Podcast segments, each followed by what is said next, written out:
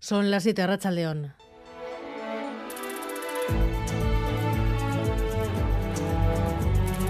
Gambara con Arancha García. Estados Unidos y Alemania impulsan la entrada de la guerra en Ucrania en una nueva fase con el armamento, el envío de armamento pesado. Kiev contará con tanques modernos en unos meses si se cumplen los pronósticos. Biden venció primero la resistencia de Alemania y en las últimas horas habría telefoneado a varios líderes europeos. Estados Unidos confirma el envío de sus tanques al ejército de Zelensky. Dice Biden que para ayudar a Ucrania, no para atacar a Rusia.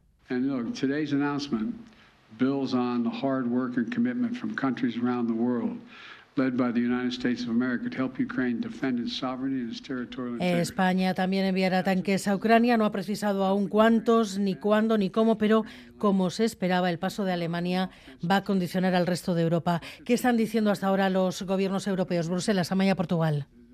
Pues lo que queda claro es que la coordinación de la reexportación de tanques la liderará desde Europa a Alemania, pero sobre todo los Estados Unidos, cuyo presidente Joe Biden, ya has dicho, no ha tardado en coger el teléfono para hablar con el canciller alemán Scholz, el presidente francés Macron, la primera ministra italiana Meloni y su homólogo británico Richie Sunak. Sobre los tanques Leopard, hasta el anuncio oficial de que Alemania enviará efectivamente 14, solo los polacos y los británicos habían dicho con claridad que pensaban hacer lo propio. Ahora, en cambio, Países Bajos, Noruega, Suecia o Finlandia se apuntan a la coalición, si bien hay poca concreción en las cifras. Francia va por libre, aplaude a Alemania, pero no garantiza que los tanques Leclerc vayan a pisar suelo ucraniano.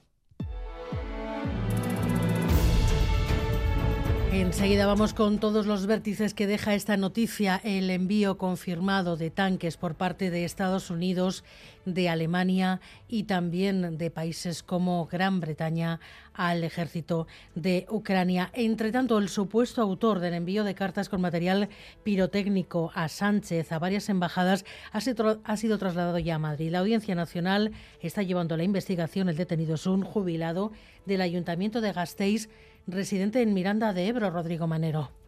Sí, hasta las cuatro y media de esta tarde han estado registrando la vivienda del detenido en Miranda de Ebro, Pompeyo González Pascual, un jubilado de 74 años que estuvo trabajando como interino en el Ayuntamiento de Vitoria hasta que se retiró en 2013. La Policía Nacional llegó a él siguiendo la pista de los sobres y los sellos que presuntamente usó para enviar las cartas bomba. Cree que actuó en solitario, aunque no descarta la participación o influencia de otras personas. El viernes pasará a disposición de la Audiencia Nacional que podría acusarle de terrorismo y delitos contra las altas instituciones del Estado. Y un suceso que acaba de ocurrir en el barrio de Morlans, en Donostia. Una mujer ha resultado herida por un fuego en la entrada de un aparcamiento. ¿Qué datos tenemos, David Beramendi? Los hechos han ocurrido esta misma tarde, en efecto, a la entrada de un parking subterráneo del barrio de Morlands, justo al lado de un conocido hotel de esa zona. Una mujer ha resultado herida grave por un fuego cuyo origen es a esta hora desconocido. No se sabe si ha sido fortuito o provocado. La Arzainza investiga los hechos y tiene acordonada la zona, la calle Antonio María Lavallén de Morlands. La mujer ha sido trasladada al hospital Donostia con quemaduras de gravedad. Y hoy también el adiós emocionado de los alumnos, los profesores del antiguo instituto de Lucas Aguirre, apuñalado hoy hace un mes. Aportan harrapatu gintun, hasieran ez genekin bere izango tezan, segituan zabaldu zan, bai ez, Lukasala, gure ikaslea, eta, bueno, ba oso minduta da, no. Ikusten nun ber, beraren erretratoa pasilloan, eta jo me fijaba, eta ez nuen espero, hau, gertatzea. PSOE y PP, entre tanto, han salvado su larga lista de desencuentros para limitar la reforma de la Constitución. Moncloa ha confirmado un principio de acuerdo para eliminar del texto el término disminuidos. Solo para eso se cierra ahí la reforma y se cierra también la posibilidad de que se introduzca debates como el que pretendía introducir el PNV sobre el derecho a decidir o la eliminación de la inviolabilidad del rey que hemos acordado es ceñir la reforma al artículo 49 y, por tanto, en esa línea vamos a trabajar, en que hagamos una reforma de un artículo en una materia donde hay un amplísimo consenso tanto político como social, de reformar ese artículo para proteger, para dar mayor dignidad a las personas con discapacidad. Y los deportes, vuelve la Copa Edu García Rachaldeón. ¿Qué tal Rachaldeón? Con los cuartos de final para Real y para Osasuna, a las 9 el conjunto de Donostiarra se mide al Barça en el Camp Nou, a las 10 en un abarrotado y congelado seguro Estadio del Sadar, Osasuna va a recibir al Sevilla. Tenemos además Liga Femenina en juego Juegan en Gasteiz, Alavés y Real Madrid. De momento empate a cero. El partido acaba de comenzar. A las 8 de baloncesto para Bilbao Basket en Miribilla. Jugará la primera jornada de la segunda ronda de la Champions contra el Darusafaka de Estambul. Y también hay comunicado ya oficial de Basconia en torno a lo que ha pasado con Pierre y a Henry. Se suspende temporalmente el contrato entre el jugador y el club de Vitoria después de un control antidopaje eh, realizado por la FIBA, en el que supuestamente Henry en principio ha dado positivo. La licencia del jugador está también suspendida por parte del máximo organismo del básquet eh, internacional, así que como Henry no puede jugar, Vasconia suspende su contrato, lo que nos hace pensar ya de forma definitiva que ha acabado su etapa como jugador en Vitoria.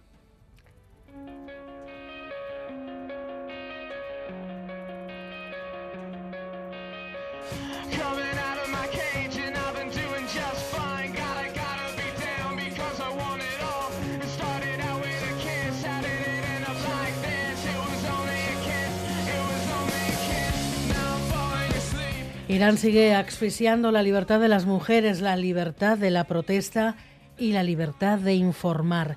Las periodistas siguen siendo detenidas. A Melika la citaron el fin de semana en una cárcel para ser interrogada. Desde entonces no ha salido de prisión. A Mernus la detuvieron a las puertas de casa. Se llevaron con ella todos sus dispositivos digitales.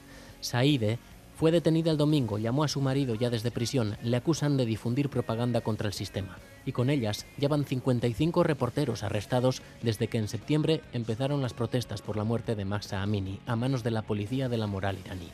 Aida Gayar, desde la libertad que le da su exilio en Francia, fue una de las primeras en denunciar lo ocurrido. Lo vio en un tuit y preguntó entre sus contactos, And uh, the name of this girl is Massa Amini. And now we are here. Everyone knows Massa. Hoy todo el mundo conoce a Massa. Nunca fue fácil ser periodista en Irán, pero ahora, dice Aida, la presión es todavía mayor.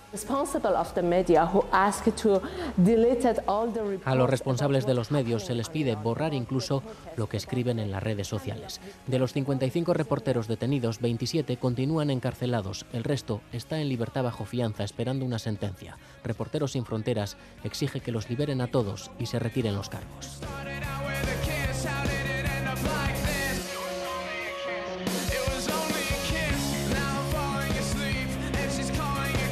Alberto Zubeldia y Miguel Ortiz están en la dirección técnica, Cristina Vázquez en la producción.